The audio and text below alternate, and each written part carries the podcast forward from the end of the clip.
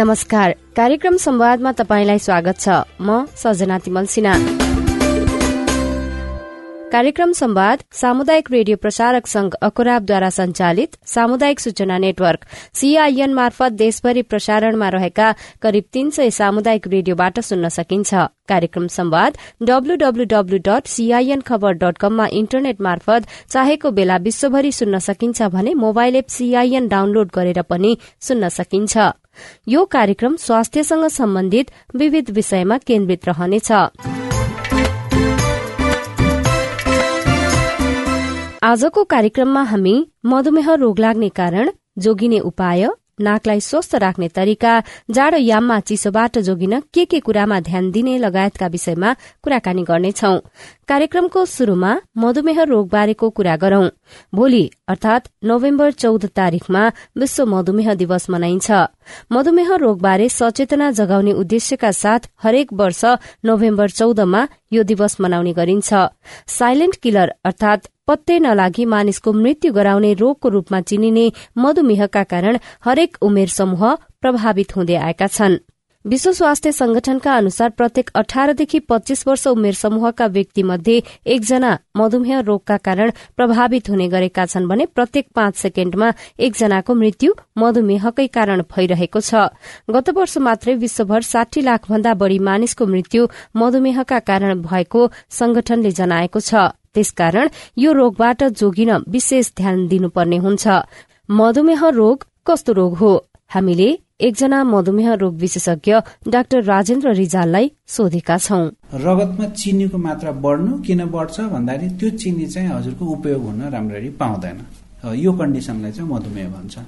र मधुमेह भइसकेको बिरामीले प्रायः जसो बुझ्नुपर्ने कुरा चाहिँ हजुरको खाना हामीले खासै चेन्ज गर्नु पर्दैन। यो खाने यो नखाने भन्ने हुँदैन। तर हाम्रो खानाको तरिका मात्रै र पकाउने तरिका मात्रै हजुरले बदल्नु भयो भने पनि त्यो एउटा इम्पोर्टेन्ट पार्ट हो। त्यसमा परिवर्तन गर्नुपर्दा जस्तो हाम्रो छ नि कमन भनाइ चाहिँ मधुमेहमा यो खान मिल्दैन यसरी बार्नुपर्छ भन्ने त्यस्तो छैन। आलु पनि खान मिल्छ हजुरले हजुरले फलफुल सिजनल फलफुल पनि खान मिल्छ। तर कसरी खाने भन्ने मात्रै हो। जस्तो आलु खाँदा तारेको भुटेको खानु भएन होइन आलु खानु पर्यो भने उसिनेको या पोलेको बोक्रासँगको आलु खाने र ठिक ठिकै मात्रामा खाने र आलु जुन बेला खानुहुन्छ त्यो आलुलाई तरकारी नसम्झिने भात भात या रोटी सम्झिने। एउटा त्यो। अर्को फलफुल जस्तो अहिले आँपको सिजन चलिरहेछ। मधुमेह मलाई छ मैले आँप खान मिल्दैन भन्ने छ र छैन। तर हजुरले कसरी बुझ्नु पर्ने कुनै पनि फलफुल खान मिल्यो तर नर्मल मधुमेह नभएको मान्छेले जसरी खान मिलेन। त्यो भने कसो? हजुरको जस्तो हजुरलाई मधुमेह छैन भने दुई तिनवटा आँप एकैपल्ट खान हो त्यसरी चाहिँ गर्नु भएन एउटा। अर्को फतक्क गलेको आँप चाहिँ खानु भएन। टर्रो टर्रो पाक्न थालेको त्यस्तो खाले खानु पर्यो। किन भन्दाखेरि फतक्क गलेकोमा हजुरको सिम्पल सुगर या खाना बित्तिकै एकदमै बढ्ने सुगर हुन्छ। र धेरै बेर युज हुँदैन। हजुरको टर्रो टर्रो खाले भर्खर पाक्न लागेको फलफुल भयो भने त्यसमा चाहिँ हजुरको राम्रो खाले कम्प्लेक्स सुगर हुन्छ। त्यो चाहिँ बिस्ता खाएपछि बिस्तारै बढ्छ केही टाइम रहन्छ। त्यसपछि बल्ल घट्छ। भने हामीलाई त्यस्तो खाले सुगर चाहियो। जस्तै नि मधुमेह लागिसकेपछि कतिपय मान्छेहरूले चाहिँ गुलियो खानु नै हुँदैन भन्ने कुरा पनि गर्छन्। विशेष गरी चिनीयुक्त खानेकुराहरू खानुहुन्न भन्छन्। यो भनेको हामीले साँच्ची नै मधुमेह लागिसकेपछि चिनीयुक्त खानेकुरा खानै हुँदैन या के हुन्छ? चिनी भएको गुलियो चिजहरू खानु हुँदैन भन्ने जुन धारणा छ नि त्योमा के छ भने चाहिँ हाम्रो शरीरको मेन हजुरको पेट्रोल गाडीको लागि भने जस्तै हाम्रो शरीरको मेन भनेकै चिनी नै हो।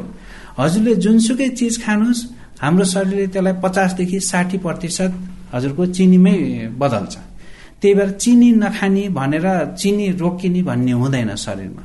तर कसरी खाने? चिनीलाई कसरी हाम्रो शरीरलाई त्यसलाई उपयोग गराउने भन्ने मात्रै इम्पोर्टेन्ट कुरा मधुमेह रोग लाग्ने कारणहरू चाहिँ के के हुन्? कारणहरू धेरै छन्। त्यही भएर हामीले अब भन्नुपर्दा मल्टिफ्याक्टोरियल या एउटा मात्रै पर्टिकुलर कारणले नभएर धेरै कारणहरूले हुने गर्छ।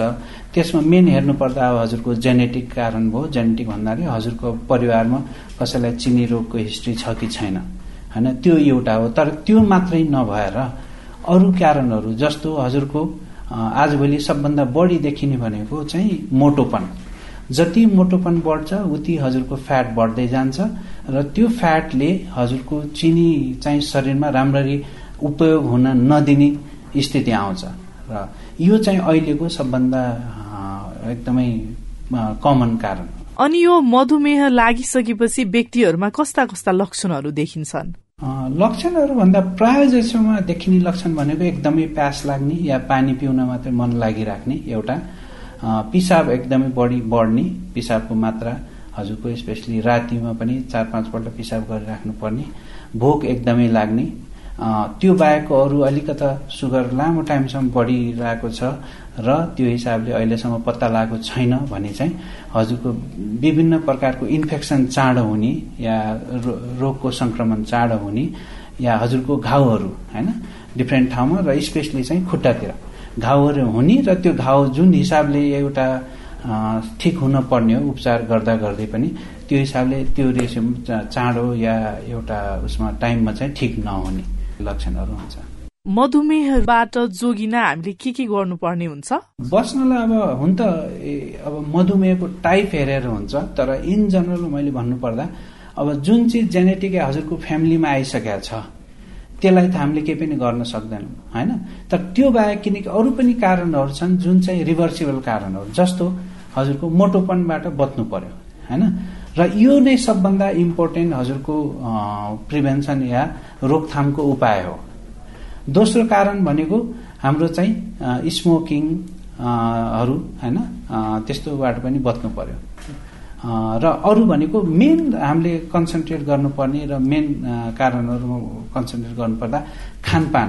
खानपान चाहिँ एकदमै इम्पोर्टेन्ट छ विशेष गरी खानपानमा ध्यान दिनुपर्ने व्यायाम गर्नुपर्ने कुराहरू गर्दै गर्दाखेरि मधुमेह लागिसकेपछि यसको कुनै ठोस उपचार विधि छ कि छैन? यसको उपचार अब हजुरको के अरे कुन टाइपको या कुन प्रकारको मधुमेह हो भन्नेमा भर पर्छ। तर ओभरअल हेर्दा र सबभन्दा बढी हामीले भेटाउने भनेको दोस्रो प्रकारको या टाइप टू मधुमेह या डायबिटिज टाइप टू भन्छ।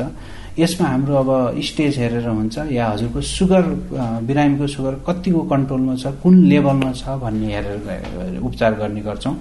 यसमा सुरुमा हामीले र लेभल ठिक ठिकै मात्रामा छ भने चाहिँ हामीले ट्याब्लेटबाटै कन्ट्रोल गर्न खोज्छौँ। तर हामीले औषधि दिँदैमा औषधि मात्रै सबै चिजको ऊ चाहिँ एन्सर चाहिँ होइन।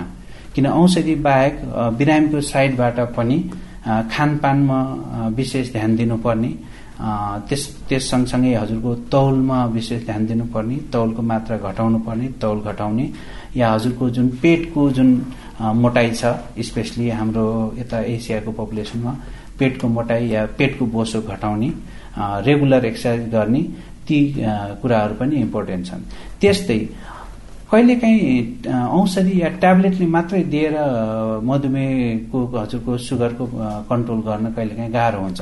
त्यस्तोमा अर्को अप्सन भनेको चाहिँ हाम्रो इन्सुलिन हो।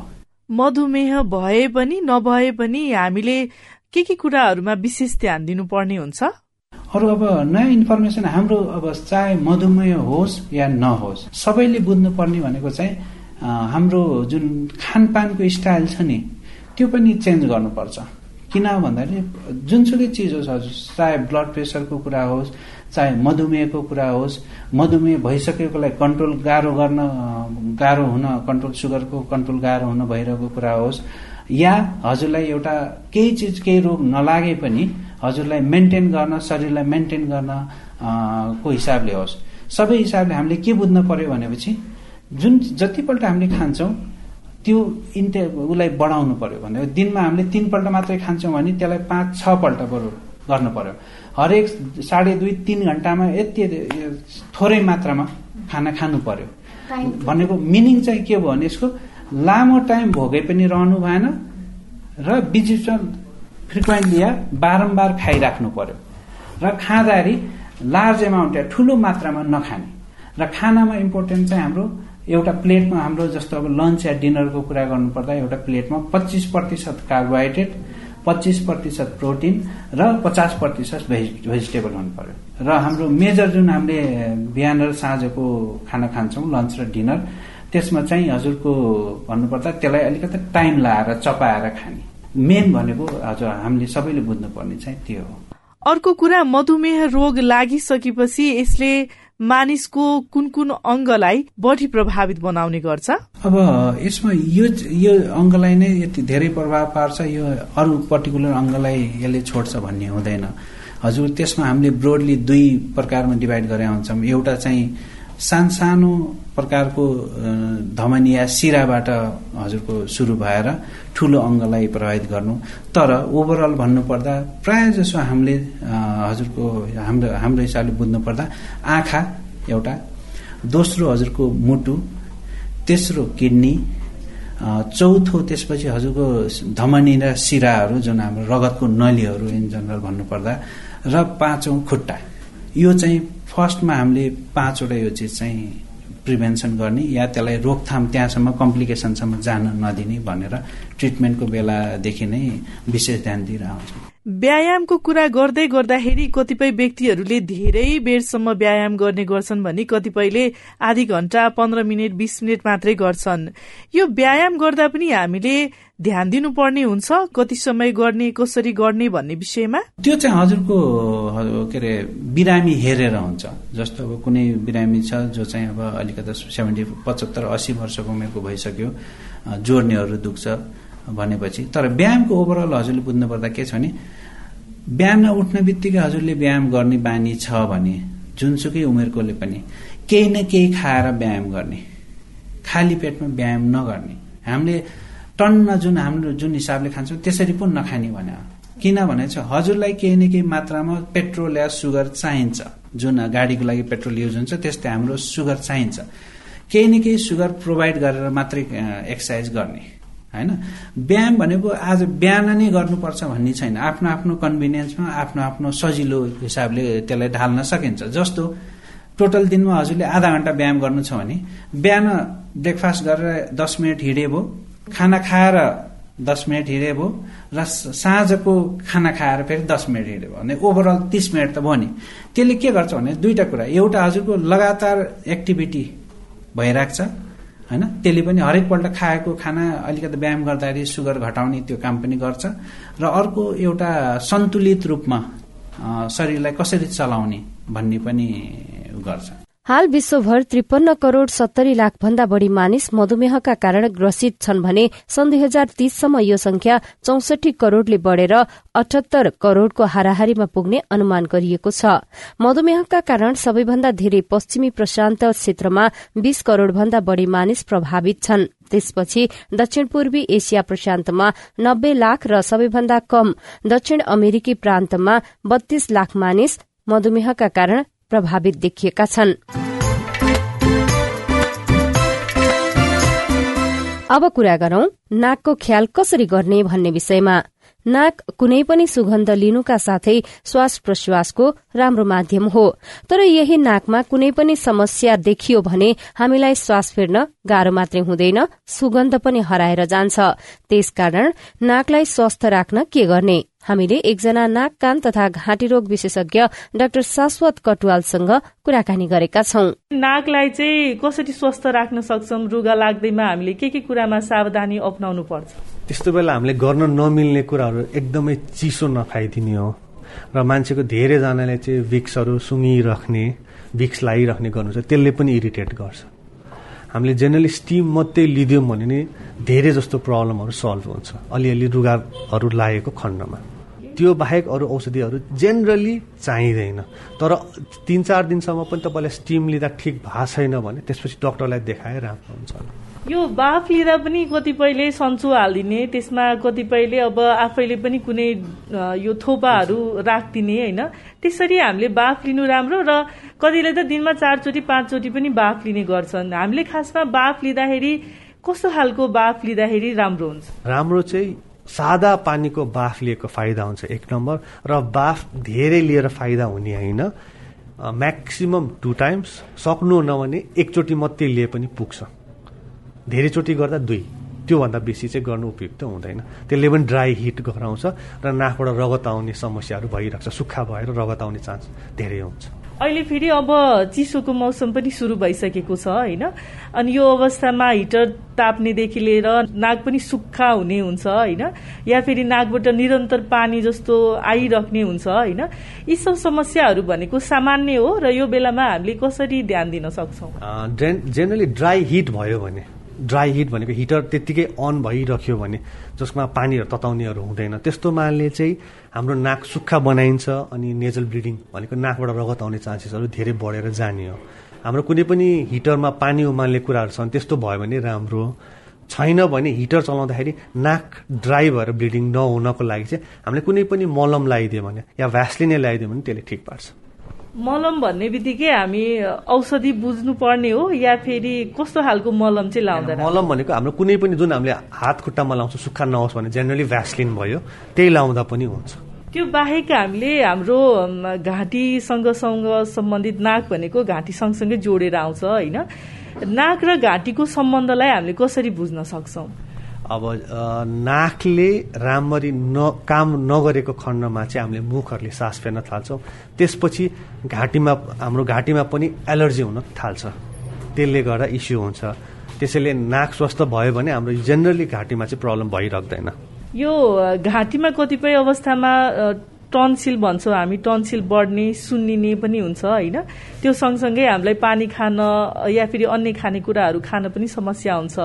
त्यस्तो बेलामा चाहिँ हामीलाई टन्सिल नै बढेको हो भनेर बुझ्ने या फेरि हामीलाई केही कुराले एलर्जी या फेरि संक्रमण गराएको भनेर बुझ्ने? हाम्रो के छ भने हाम्रोमा घाँटी दुख्ने बित्तिकै टन्सिल भन्ने बानी छ जुन चाहिँ गलत हो। घाँटी दुख्ने बित्तिकै टन्सिल कहिले पनि हुँदैन। टन्सिल भयो भने तपाईँलाई एक सय दुई तिन ज्वरो आउनु पर्यो।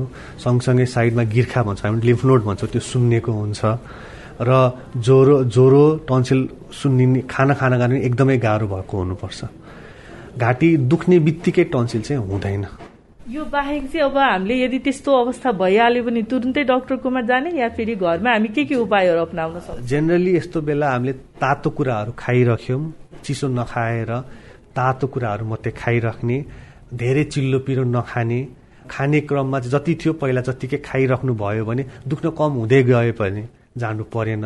तर बढ्दै गयो ज्वरो आउँदै गयो या घाँटी धेरै दुख्ने भइदिए गयो भने चाहिँ डक्टरमा भेट्न जानै पर्छ। हामीले कहिले पनि एकदमै तातो या एकदमै चिसो कहिले पनि खानु दुइटैले चोट लाग्छ। त्यसलाई ट्रोमा भन्छौँ हामीले। थर्मल ट्रोमा भन्छौँ। त्यो दुइटैले बिगार गर्छ। हामीले खाने भनेको मन तातो कुराहरू मात्रै खाने हो। त्यसले जहिले पनि फाइदा गर्छ। विशेष गरी जाडो याममा नाकको ख्याल गरिएन भने विभिन्न समस्या निम्तन सक्छ। अब लागौं बढ्दै गरेको जाडो याममा स्वास्थ्यको ख्याल गर्नेतर्फ। काठमाडौँ उपत्यका सहित देशभर जाडोयाम शुरू भइसकेको छ। दिउँसो घाम लागे पनि बिहान र बेलुका भने निकै चिसो हुन थालेको अवस्थामा आफ्नो स्वास्थ्यको ख्याल कसरी राख्ने? हामीले डाक्टर प्रकाश राज पाण्डेलाई सोधेका छौं। यो जाडो मौसममा स्वस्थ रहनको लागि हामीले के गर्नुपर्छ भन्ने कुरो जाडो मौसममा स्वस्थ रहनको लागि सबभन्दा पहिले त जाडोबाट बस्नु पर्यो। त्यसको लागि प्रष्ट रूपमा यो कुरो के छ भने सकेसम्म न्यानो डुरा लगाउने चिसोमा नहिँड्ने र राम्रो स्वस्थ खानपान गर्ने। यति मुख्य कुरो यी कुराहरू प्रमुख रूपमा हुन्। गर्मी समयमा हामी यदि बढी पानी पिउँछौँ जाडो समयमा पनि हामीले स्वस्थ रहनको लागि पानीको मात्रा उचित रूपमा लिनु अत्यावश्यक रहन्छ। जाडोको कारणले गर्दा प्यास तिर्खा त्यति नलाग्ने हुनाले हाम्रो पानी सेवनमा कमी आउँछ। तर तर पनि हामीले दुईदेखि अढाई लिटरसम्म पानी एउटा स्वस्थ व्यक्तिले पिउनु एकदम जरुरी रहन्छ। त्यसपछि जाडोबाट बच्नको लागि शरीरमा ऊर्जाको बढी आवश्यकता रहने हुनाले क्यालोरी बढी भएका खाना खानु पनि अलिक बढी जरुरी रहन्छ। सबैले प्राय नोटिस गर्नुभएकै होला जाडामा भोग अलिक बढी लाग्ने कारण पनि त्यही हो। त्यसको कारण त्यसको मतलब यो होइन कि बडी खाएर वेट बढाउने भन्ने मेरो भनाइ होइन। तर राम्रो स्वस्थ खाना खानु चाहिँ जरुरी रहन्छ। त्यत्तिकै त्यस्तै स्वस्थ रहनको लागि नियमित रूपमा गर्ने व्यायामहरू पनि गरिरहनु आवश्यकता रहन्छ। यो चिसोको मौसममा कतिपयले आगो ताप्न नपाएपछि फोहोर वस्तुहरू जुन हुन्छ त्यसैलाई पनि बालेर ताप्ने गर्छन्। यो चाहिँ मानिसको स्वास्थ्यको लागि कतिको हानिकारक हुन्छ? एकदमै स्वास्थ्यको लागि खतरनाक हुन्छ। किन भन्नु होला भनेदेखि जाडो छ। जाडोबाट बच्नको लागि सडकमा बसेर टायर बालेर आगो ताप्ने प्लास्टिकका वस्तुहरू बालेर आगो ताप्ने यी कामहरूबाट यी क्रियाहरूबाट दूषित ग्यासहरू निस्किन्छन्। जुन कि स्वास्थ्यको लागि निकै नै हानिकारक हुन्छ। त्यसले गरेर हाम्रो फोक्सोमा नराम्रो किसिमको असर पार्छ। फोक्सोमा मात्र होइन त्यो हाम्रो शरीरभित्र गयो भने त्यसले कयौँ चाहिँ गएर आएर नसालाई नै खराब पार्ने किसिमका ग्यासहरू हुन्छन्। यो क्रियाहरू चाहिँ बाट बच्ने कोसिसै गर्नुपर्छ। दाउरासम्म केही मात्रामा ऊ भए पनि दाउरा र कोइला केही मात्रासम्म सेफ भए पनि तर टायर र यो प्लास्टिकका चिजहरू फोहोर मैलाहरूबाट निक्लिने निस्किने दूषित ग्यासहरू चाहिँ स्वास्थ्यको लागि निकै नै हानिकारक हुन्छ। जाडोमा छातीका रोगीहरूले जाडोबाट हुने दुष्प्रभावबाट बच्नको लागि सबभन्दा पहिले बन्द कोठामा आगो बाल्ने काम गर्नु हुँदैन जस्तो मकलमा आगो ताप्ने केरोसिन हिटर मट्टितेलका हिटरहरू ढोका बन्द गरेर बाल्ने कोठा तातो गर्नको लागि। त्यसले गराएर गुम्सेर कार्बन मोनोअक्साइड कोठामा जम्मा भएर त्यसले गराएर स्वास्थ्यमा नराम्रो असर पार्छन् र कति छातीका बिरामीहरू कोठामा अक्सिजनै लिएर बसिरहेका अवस्था हुन्छ। त्यो अवस्थामा गएर आउँदाखेरि कोठामा आगो बाल्दाखेरि यस्ता किसिमको केरोसिन हिटर मकलहरू बाल्दाखेरि कोठामा आगो लाग्ने सम्भावना हुन्छ।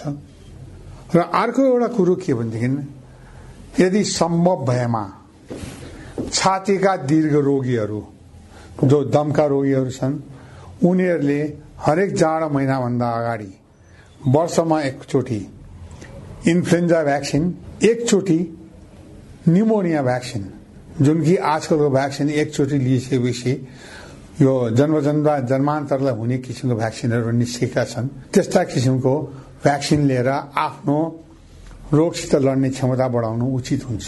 नेपालमा पछिल्लो समय वायु प्रदूषणको मात्रा पनि बढ़दै गएको छ जसले गर्दाखेरि विभिन्न स्वास्थ्य समस्याहरू देखिने गर्छन्। विशेष गरी यो चिसो मौसममा वायु प्रदूषणबाट हुन सक्ने जोखिमबाट हामी कसरी जोगिन सक्छौ? अब जस्तो किसिमले हामी कहाँ प्रदूषण बढ्दैछ कोही पनि व्यक्ति त्यो प्रदूषणबाट टाढा रहन सक्ने अवस्था म देख्दिन। खास गरी काठमाडौँलाई भनिन्छ काठमाडौँ उपत्यकालाई। एउटा कचौरा कचौराको आकारको एउटा ऊ भएको हुनाले यो भ्याली भएको हुनाले बिहान यहाँबाट प्रदूषण बाहिर निक्लिन झन् गाह्रो हुन्छ। चारैतिर पहाड भएको कारणले प्रदूषण यहाँबाट हट्नको लागि झन् गाह्रो हुन्छ अहिलेसम्मको तथ्याङ्कबाट बिहानको टाइममा सबभन्दा बढी प्रदूषणको मात्रा देखिएको छ। काठमाडौँमा बिहानको जाडोको बेलामा खास गरी जाडोको सिजनमा बिहानको मर्निङ वाक कुनै पनि हालतमा सुरक्षित देखिँदैन। त्यसकारण अलिकति घाम नलगाइकन घाम नलाइकन चिसोमा मर्निङ वाकमा निक्लिनु या बिहान हिँडाइको लागि निक्लिनु उपयुक्त हुन्छ जस्तो मलाई लाग्दैन। र मेडिकल साइन्सले पनि त्यो कुराबाट बच्नुको लागि नै सल्लाह दिन्छ। र अर्को कुरो धेरै चिसो मौसममा मान्छेको रक्तचाप पनि बढ्ने हुन्छ। प्राकृतिक रूपले नै। किन चिसोले गरेर आउँदाखेरि फेसल्सहरू खाङ्रुन जान्छन् त्यसले पनि गरेर आउँदाखेरि सबैको ब्लड प्रेसर अलिक माथितिर जानुहुन्छ अरू बेलामा भन्दा। र हार्ट एट्याक हुने सम्भावना हुने बिहानको चिसोको बेलामा बढी मात्रामा हुन सक्छ। त्यही कारण पनि चिसोबाट बिहानको चिसोबाट बस्नु जरुरी रहन्छ। जाडोयाममा ध्यान दिनुपर्ने विषय भनेको मुटु पनि हो। कारण जाडोयाममा हृदयघात हुने सम्भावना बढ़ी हुन्छ। त्यसकारण जाडोयाममा मुटुमा कुनै पनि समस्या आउन नदिनका लागि के गर्ने? मुटु रोग विशेषज्ञ डाक्टर हरिहर खनालको यो सुझाव सुनौ। पहिलो कुरो मुटुको रोगमा ब्लड प्रेसर जाडोमा अलि बढेर जान्छ सबैको। ब्लड प्रेसर बढ्ने कारण एक त रगतका नली साँगुरिन्छन् अर्को मान्छे अल्छी भएर जान्छन् अर्को खाना मिठो हुन्छ मनपरी खान्छन् यी तिनवटा कारण मुख्य हुन्। यी कारणले गर्दा जाडोमा ब्लड प्रेसर बढेर जान्छ। त्यसकारण ब्लड प्रेसरका सम्पूर्ण रोगी जुन ब्लड प्रेसर मुटुको रोगमध्ये एउटा हो सम्पूर्ण मुटुका रोगीले ब्लड प्रेसरका रोगीले नियमित ब्लड प्रेसर जाँच गर्ने कमसेकम हप्ताको एकचोटि जाँच्ने र बढेको छ भने तुरन्त सम्बन्धित चिकित्सकलाई भेट्ने र औषधि मिलाउनु पर्ने छ भने मिलाउने गर्न अति जरुरी छ। त्यसपछि आयो हृदयघात हार्ट एट्याक हार्ट एट्याक पनि जाडोमा गर्मीमा र अरू मौसममा भन्दा अलि बढी हुने खतरा हुन्छ। त्यसको कारण पनि त्यही हो मुटुको जसरी मैले અહીં रक्तनली साँगुरिन्छ भने मुटुले मुटुलाई नै सप्लाई गर्ने रक्तनली हुन्छ जसलाई कोरोनरी धमनी भनिन्छ। कोरोनरी धमनी पनि साँगुरिन्छ साँगुरिएपछि रगत बग्ने बाटो ब्लक हुने चान्स बढ्छ। र अलिअलि ब्लक अलरेडी छ भने त झन् ब्लक हुने चान्स बढ्ने भयो। ब्लकमाथि ब्लक हुने भयो। त्यस कारण हृदयघात हुने चान्स बढ्छ। त्यो बाहेक तपाईँलाई मैले भनिहालेँ ब्लड प्रेसर बढ्छ सुगर बढ्छ यी दुईवटा बढेर पनि हार्ट एट्याक हृदयघात बढ्ने चान्स हुन्छ। त्यस कारण यी सबै कारणले पनि हृदयघात बढेर जाने हुन्छ। त्यसकारण मुटुका रोगीहरूले नियमित गर्नुपर्ने। नियमित कमसेकम आधा एक घन्टा मर्निङ वाक मर्निङ वाक हुँदाखेरि चिसो हुन्छ न्यानो लुगा लगाएर आफ्नो सुरक्षा गरेर सुरक्षित ठाउँमा गाडीले हाने हाने छन् मर्निङ वाक गर्ने कोही डाक्टर बितेका छन् कोही को बितेका छन् त्यस कारण सुरक्षित ठाउँमा दैनिक मिनिमम तिस मिनट पसिना आउने गरी मर्निङ वाक गर्ने आफ्नो नियमित खाने औषधि नियमित नियमित खाने रेगुलर हृदय रोग विशेषज्ञलाई हृदय सम्बन्धी रेगुलर चेकअप गराउने अनि चिल्लो चाख्लो कम खाने शाकाहारी भोजन सबभन्दा राम्रो अनि ब्लड प्रेसर कन्ट्रोलमा राख्ने सुगर छ भने कन्ट्रोलमा राख्ने र आफ्नो रिसाउने बानी आवेशमा आउने बानीबाट जोगिने गरियो भने मुटु रोगबाट बच्न सकिन्छ हार्ट एट्याकबाट बच्न सकिन्छ। हार्ट एट्याक आजको युगमा सबभन्दा डरलाग्दो योग रोग हो। यसले धेरैको ज्यान खाएको छ। संसारमा सबभन्दा धेरै लगानी पनि। यही रोगको अन्वेषणमा व्याख्यामा औषधि निर्माणमा खर्च भएको छ। त्यसकारण सम्पूर्ण संसारमा मृत्युका कारणहरू खोज्दा पनि एक नम्बर कारणमा। हार्ट एट्याकै आउँछ हृदय रोगै आउँछ।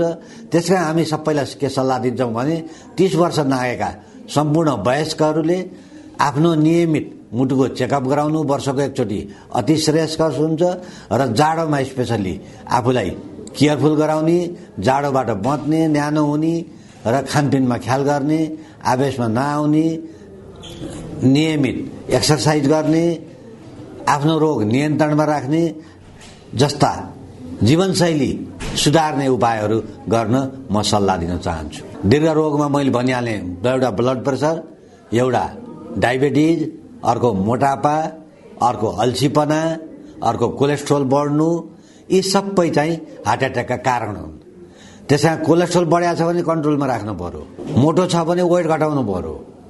अल्छी छ भने एक्सर्साइज गर्नु पर्यो नियमित एक्टिभ हुनु पर्यो जाँगरिलो हुनु पर्यो फुर्तिलो हुनु पर्यो। खाने बानी नराम्रो छ भने स्वस्थकर खानेकुरामा ख्याल गर्नु पर्यो। ओभर इटिङ गर्ने भएन। चिसो पानी खान नहुने भन्ने होइन। अब सबभन्दा राम्रो मनतातो घाँटीलाई इन्फेक्सन नहुने खालको पानी हो। पानी खान नहुने होइन। पानी जुन पनि खानु हुन्छ तर चिसो पानी धेरै फ्रिजको पानी खानु भएन। रुम टेम्परेचरको पानी खानु बेसरी हुन्छ। जीवनशैली सुधारौँ सबभन्दा ठुलो कुरो सधैँ हाँसौँ सकारात्मक सोच राखौँ सागसब्जी बढी खाउँ फलफुल बढी खाउँ न्यानो बसौँ जाडोबाट बचौँ औषधि खाने गरेका छ भने नियमित खाउँ आफूलाई स्वस्थ राखौँ मुटुलाई माया गरौँ। डाक्टर खनालले भने चाहिँ मुटुको ख्याल गर्न व्यवस्थित खानपानका साथै व्यायाम पनि नियमित गर्नुपर्छ। यो सँगै आजको लागि कार्यक्रम संवादको समय सकिने लाग्यो। आजको विषयवस्तु तपाईँलाई कस्तो लाग्यो? तपाई हामीलाई हाम्रो टेलिफोन नम्बर शून्य एक बान्न साठी छ चार छमा फोन गरेर आफ्नो कुरा भन्न सक्नुहुनेछ। साथै तपाईँले हामीलाई हाम्रो Facebook page at the rate CIN खबरमा गएर पनि आफ्ना कुरा लेख्न सक्नुहुनेछ। सीआईएनले तयार पारेको कार्यक्रम संवादबाट प्राविधिक साथी सुरेन्द्र सिंहसँगै सजना तिमल सिन्हा विदा हुन्छु। नमस्कार।